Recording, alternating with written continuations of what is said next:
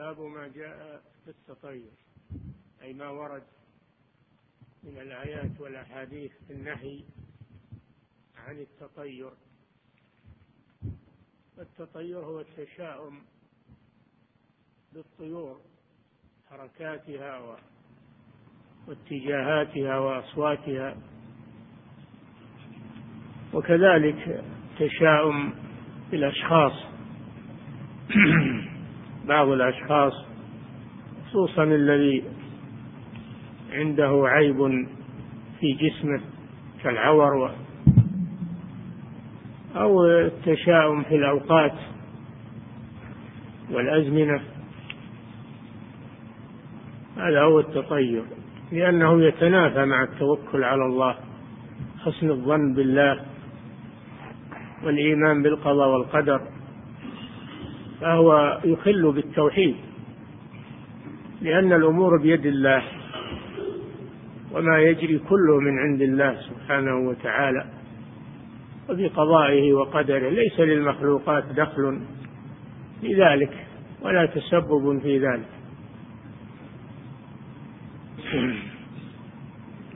هذا هو الإيمان العقيدة الصحيحة. أما أن يعتقد في الأشياء ويتشاءم بها فيرجع عن حاجته أو عن ما عزم عليه. هذا هو التطير. والتطير آفة قديمة في العالم خصوصا مع ضعف الإيمان أو فقد الإيمان يوجد التطير. قد كان في قوم فرعون لما جاءهم موسى عليه السلام وهارون الرسالة ودعوهم إلى الله تشاءموا بهم. قالوا قال الله جل وعلا فإذا جاءتهم الحسنة قالوا لنا هذه حسنة أي الخير والخصب ونزول المطر. قالوا لنا هذا أي هذا نستحقه ليس هو فضل من الله وإنما هذا لاستحقاقنا فلا يشكرون الله عز وجل لا يعترفون بفضله. وإن تصبهم سيئة جدب وانحباس مطر أو أمراض يطيروا بموسى ومن معه من المؤمنين ويقولون أنتم السبب. هذا جاءنا معكم بسبب الدعوة إلى الله عز وجل. فهو معتقد الخير فيما فيه فهو معتقد فهو معتقد الخير من غير الله واعتقدوا أن الشر من غير الله عز وجل. فلذلك ذمهم الله جل وعلا. يطيروا بموسى ومن معه. قال الله جل وعلا ألا إنما طائرهم عند الله أي ما يصيبهم فهو بقدر الله وقضائه. يجب الإيمان بالله والدعاء والاستغفار وعدم التشاؤم بالمخلوقات. قالوا طائركم عند الله بل أنتم آه، قوم تجهلون. هذا من الله سبحانه وتعالى. يقدر الشر عقوبة بالسيئات والذنوب. يقدر الخير فضلا منه سبحانه. وإحسانا منه إلى عباده. وكذلك كان في في ثمود في قوم صالح. لما جاءهم ودعاهم إلى الله قالوا اطيرنا بك وبمن معك. قال طائركم عند الله بل أنتم قوم تفتنون. طائركم عند الله.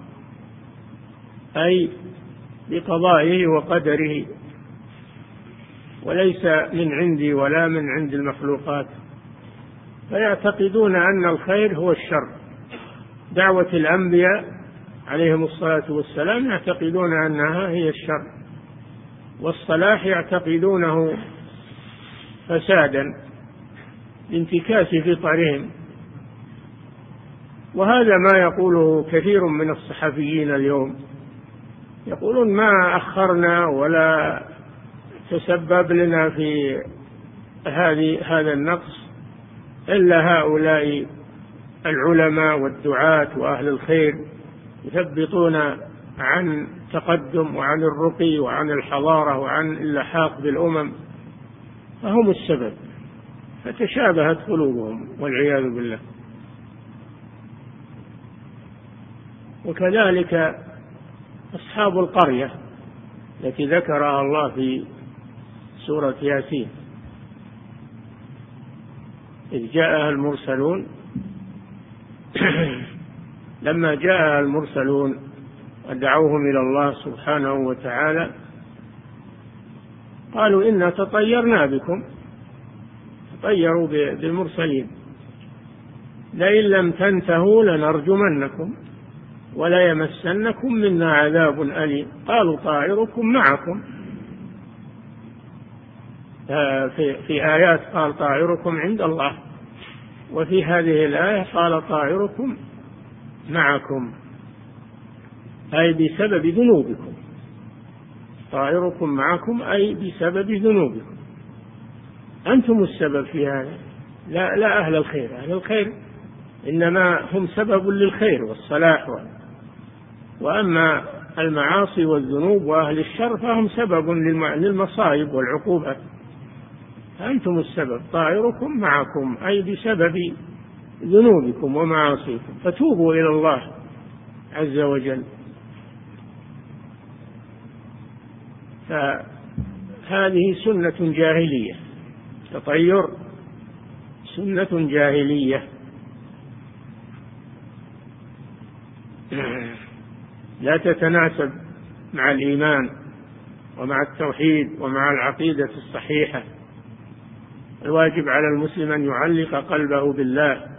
إن أصابه خير شكر الله وإن أصابته سيئة فيعلم أن هذا بسبب ذنوبه فيتوب إلى الله عز وجل ويستغفر ربه. هذا هو المؤمن. وكذلك تشاءم بمحمد صلى الله عليه وسلم. تشاءموا بالنبي محمد صلى الله عليه وسلم. إنهم ينسبون الحسنات إلى أنفسهم وينسبون السوء إلى محمد صلى الله عليه وسلم. ان تصبهم حسنة يقول هذه من عند الله وإن تصبهم سيئة يقول هذه من عندك.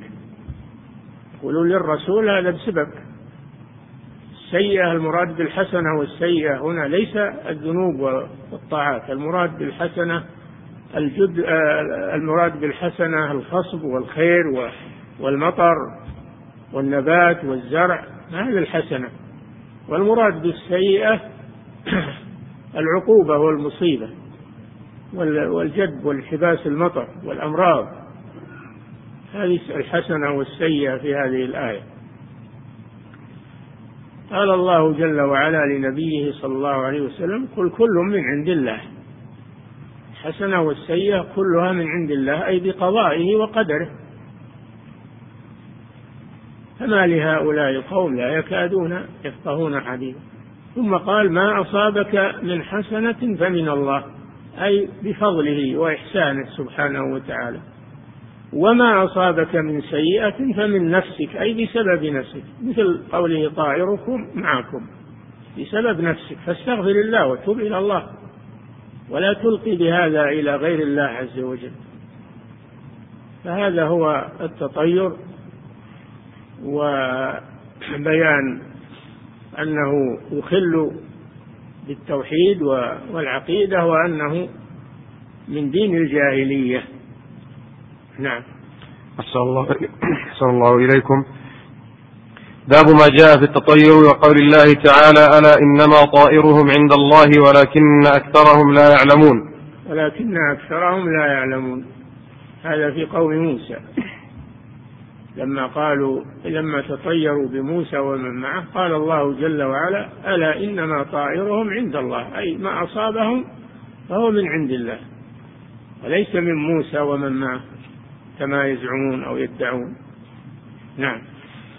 وقوله قالوا طائركم معكم. لأصحاب القرية سورة ياسين. لما قالوا إنا تطيرنا بكم قالوا طائركم معكم. أي إن ذكرتم؟ أي بسبب أن ذكرناكم بالله عز وجل نسبتم إلينا ما أصابكم من السوء؟ هذا طائركم معكم بسببكم أنتم لا بسببنا نحن. نعم. وعن أبي هريرة رضي الله عنه أن رسول الله صلى الله عليه وسلم قال لا عدوى ولا طيرة ولا هامة ولا صفر أخرجاه زاد مسلم ولا نوء ولا غول. يكفي هذا لأن اليوم في استسقاء تستعدون لصلاة الاستسقاء آه إلى درس قادم إن شاء الله. صلى الله وسلم على نبينا محمد على آله وأصحابه أجمعين.